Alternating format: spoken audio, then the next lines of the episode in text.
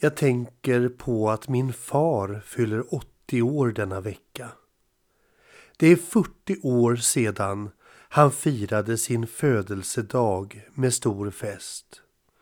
Då stod han mitt i livet med eget företag, villa och familj. Nu vakar han vid sidan av sin särbos långt utdragna dödskamp, helt isolerad från omvärlden. Och jag skickar honom en blombukett med vidhäftad hälsning från hans ende son. Till honom som är helt uppslukad av kvinnan som han en dag på promenad stötte samman med på parkvägen. Jag minns så väl den dagen mamma dog och jag tog honom i min famn och viskade i hans öra. Jag ska ta hand om dig, pappa.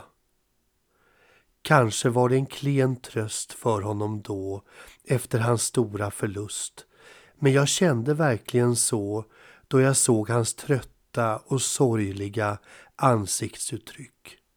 Jag ville finnas för honom.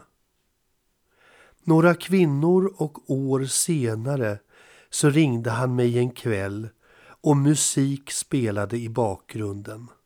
Han var lycklig och säkert också en aning berusad av kärlek om inte annat.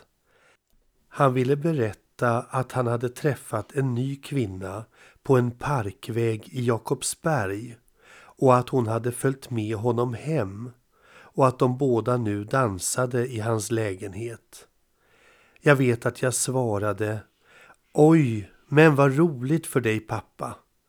Och jag önskade de båda lycka till med relationen. De fick ett par friska år tillsammans. Kolonilotten som hon hade blev deras oas och paradis. Vid ett möte på ett café så berättade pappa för mig om hans passion för den nya kvinnan och jämförde henne med sin egen mor. Deras likheter fick honom att känna sig trygg. Det lät inte som något jag hade hört förut.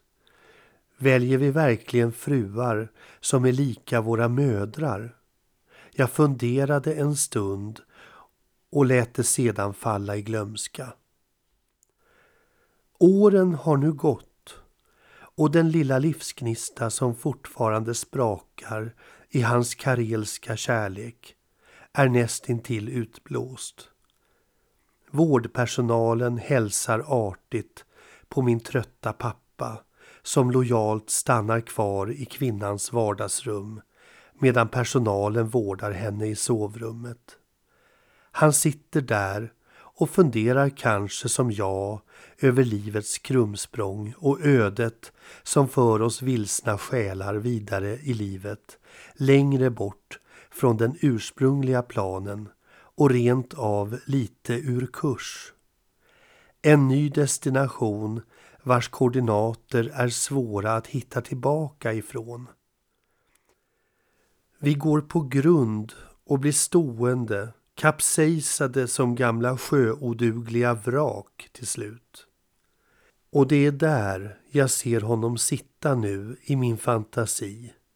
Nere i kajutan på ett grund i Finska viken. På väg till hans kärestas dröm om sitt älskade karelska näs. Långt ifrån sina egna drömmar och fantasier som så enkelt lagts åt sidan eller på hyllan till förmån för alla hennes. Ett stort grattis till dig på din stora dag, pappa, textar jag med tårar i ögonen. Jag vill vara återhållsam och formell. Min pappa seglade ut på havet en gång och tappade balansen och därefter tappade vi kontakten. Kanske tänker han på mig där hos henne när hon sover, ser bilder av mig i hans famn, i hans knä.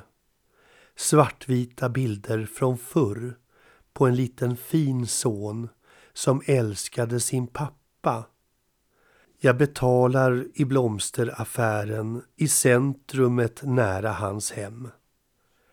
Hon bor mitt emot, så jag är nu närmare pappa än på mycket länge.